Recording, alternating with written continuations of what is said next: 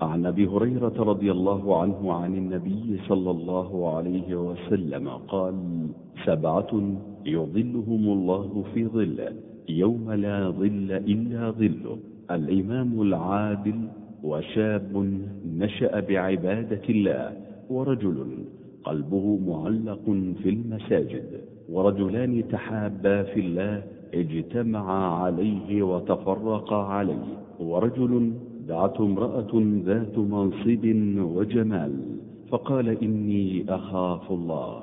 ورجل تصدق بصدقة فأخفاها حتى لا تعلم يمينه ما تنفق شماله. ورجل ذكر الله خاليا ففاضت عيناه. بسم الله الرحمن الرحيم. إن الحمد لله نحمده ونستعينه ونستغفره ونتوب إليه. ونعوذ بالله من شرور أنفسنا وسيئات أعمالنا. من يهده الله فلا مضل له ومن يضلل فلا هادي له. وأشهد أن لا إله إلا الله وحده لا شريك له وأشهد أن محمدا عبده ورسوله صلى الله عليه وعلى آله وصحبه وسلم تسليما كثيرا.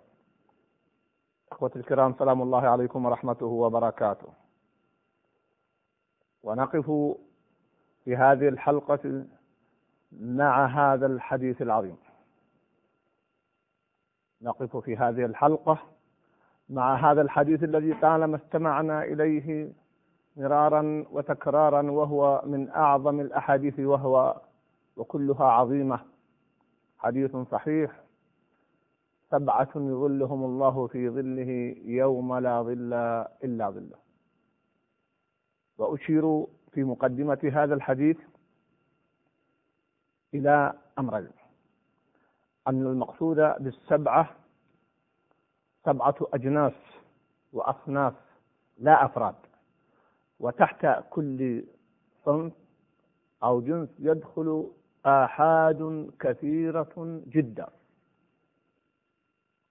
فمثلا وشاب قلبه معلق في المساجد رجل قلبه معلق في المساجد كم يدخل في هذا المعنى؟ من الناس. كل من توفرت فيه هذه الصفة فهو داخل في هذا المعنى.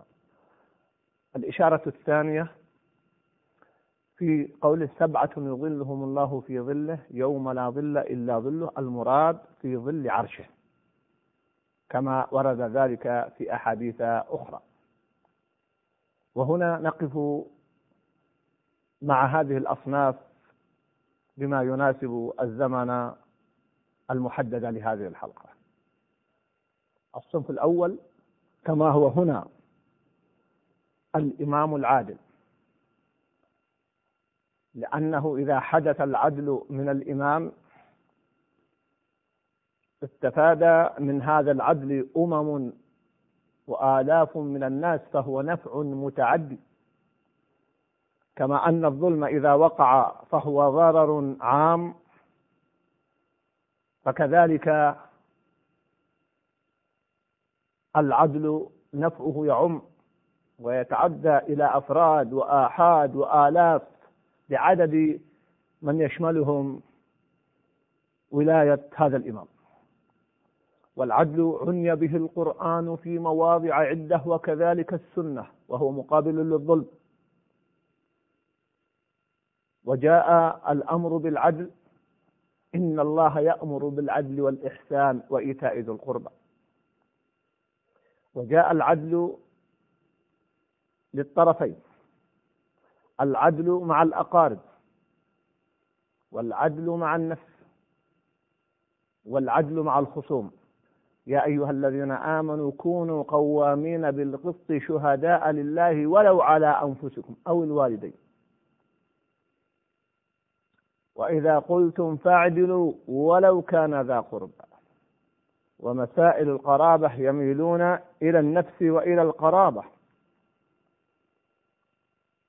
والنوع المقابل يا أيها الذين آمنوا كونوا قوامين لله شهداء بالقسط ولا يجرمنكم شنآن قوم على ألا تعدلوا. اعدلوا هو أقرب للتقوى. وقبل هذه آيات ولا يجرمنكم شنآن قوم أن صدوكم عن المسجد الحرام أن تعتدوا. أي أن تظلموا. فإذا كان العدل جاء الأمر به مع من؟ مع العدو.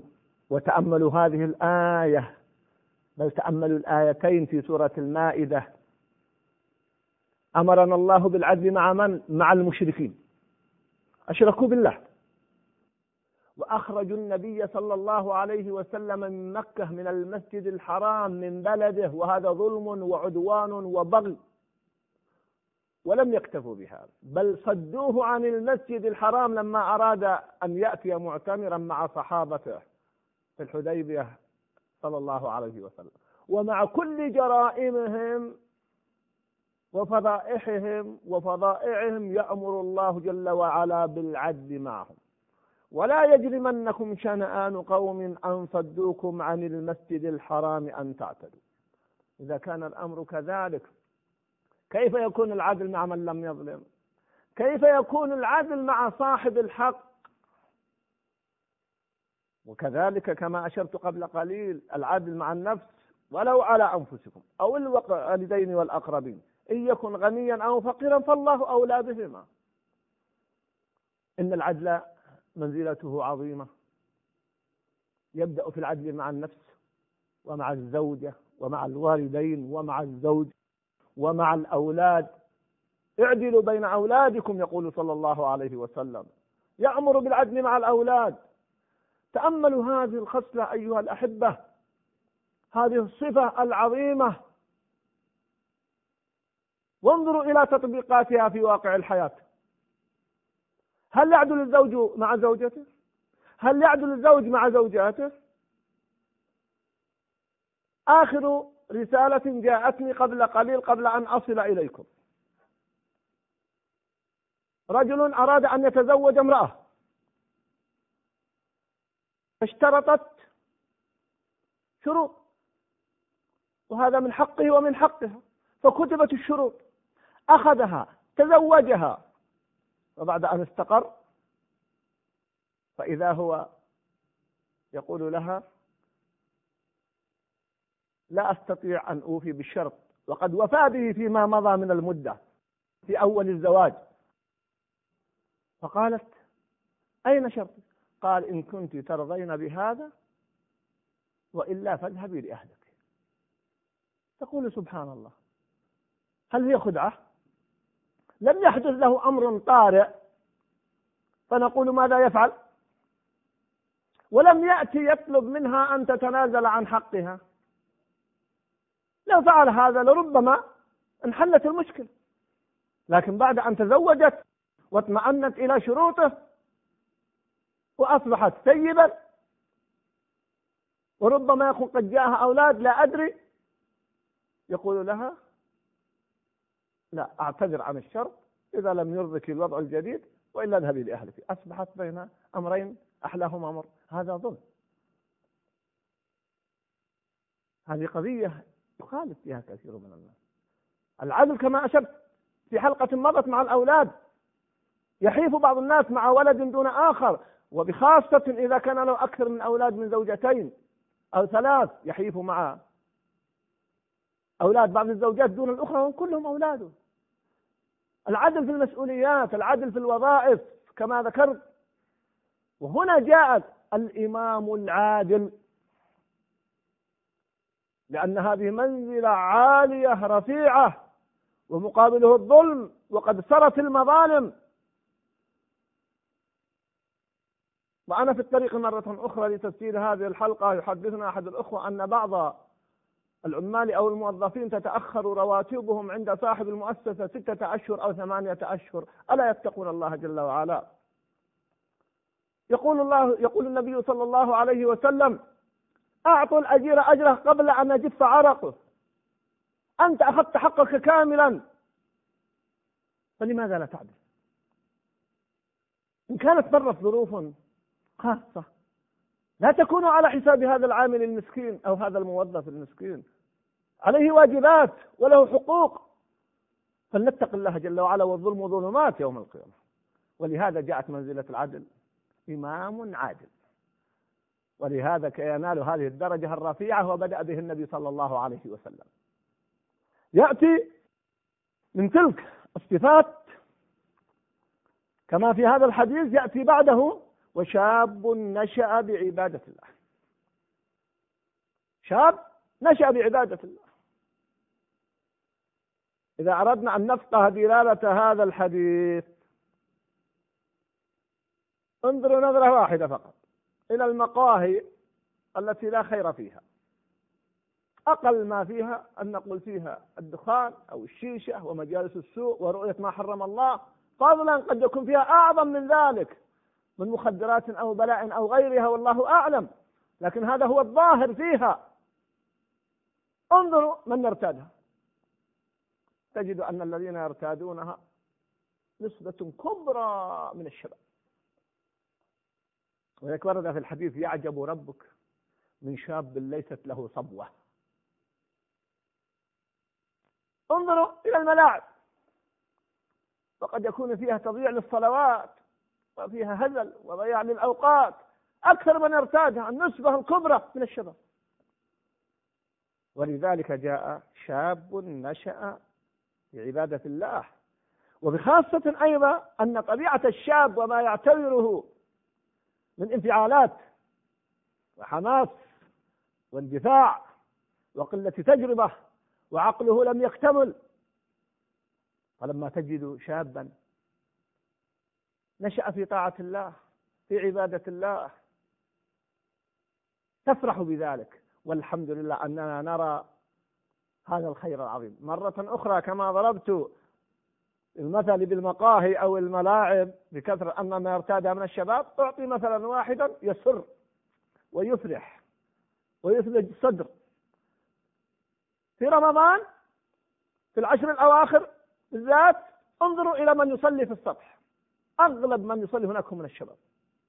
نعم يوجد كبار لكنهم قد يكونون في الدور الأول أو الثاني لكن نسبة عظمى تسرك والله.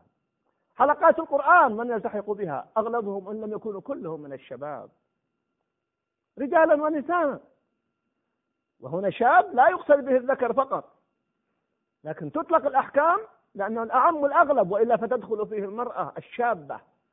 لا شك في ذلك. فاستجاب لهم ربهم أني لا أضيع عمل عامل منكم من ذكر أو أنثى بعضكم من بعض. فيأتي الخطاب للرجال ويراد به النساء. ويأتي الخطاب للشباب ويراد به أيضا الشابات. إلا ما ورد الدليل بخصوصه وتعيينه. فنحن نجد هؤلاء الشباب والحمد لله في حلقات العلم في الدروس فهنيئا لهم. ولكن الله الله على الثبات. قد يسير الشاب سنوات ثم يأتي شيء من الضعف أو الكسل. أو والعياذ بالله الانحراف. فهنا جاء شاب نشأ واستمر في عبادة الله جل وعلا. أسأل الله أن تكون منهم. فالثبات الثبات وأبشر بهذه المنزلة العالية ويعجب ربك من شاب ليست له صبوة. أريد أن أشير هنا إلى معنى دقيق. أخص به الشاب. أقول الشاب إذا نشأ في طاعة الله وتعدى مرحلة الشباب وأصبح رجلا واستقامت حاله كم والله يفرح ويسر حتى يموت بأنه في مرحلة الشباب لم يقع في انحراف لم يقع في ضياع. وقد سمعت بعض هؤلاء الذين نشأوا في طاعة الله أسأل الله أن يكونوا من هؤلاء.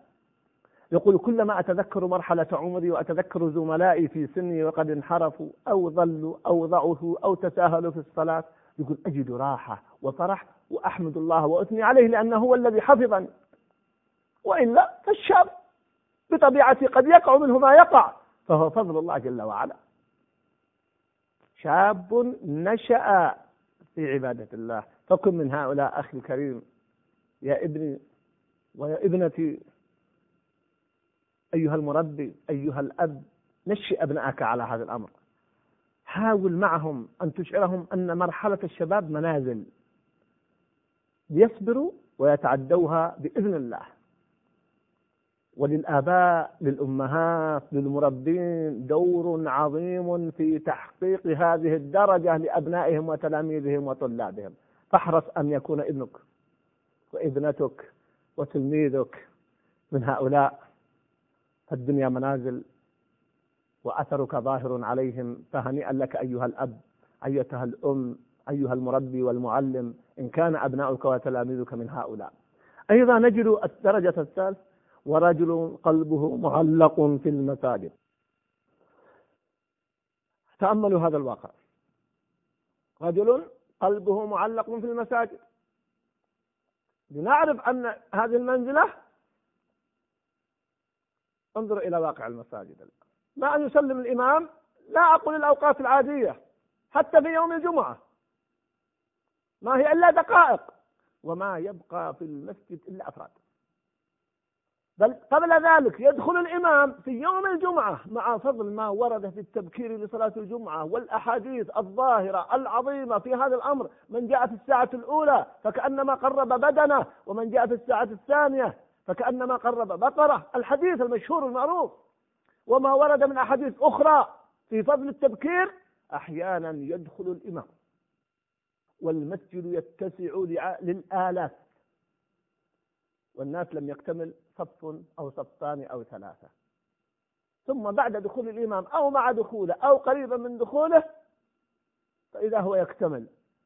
وسرعان ما يسلم فإذا الناس ينصرفون في دقائق. لنعرف منزلة من هو قلبه معلق في المساجد. كان السلف رضوان الله عليهم بعضهم مر عليه عشرون سنة ما فاتته تكبيرة الإحرام. فضلا عن أن تفوته ركعة أو أن تفوته الصلاة. لماذا؟ لأن قلبه معلق في المساجد. ذكر عن بعض السلف أو عن أحد السلف أنه كان نجارا. فكان وهو في نجارته إذا رفع الفأس من أجل أن يعود به للنجارة. إذا رفعه ثم أذن المؤذن ألقاه خلفه حتى لا يعيده من حرصه وإلا الأمر يسير ولا يقول هذا مبالغ فيه ولكنه تعبير عن تعلق القلب بالصلاة. الصلاة حي على الصلاة حي على الفلاح إنها درجة والله عالية. قلبه معلق في المساجد لا يرتاح إلا في المسجد يجد أنسه وراحته في المسجد. وخاصة مع الفضل العظيم لأن من ينتظر الصلاة فهو في صلاة. فذلكم الرباط انتظار الصلاة بعد الصلاة فذلكم الرباط فذلكم الرباط.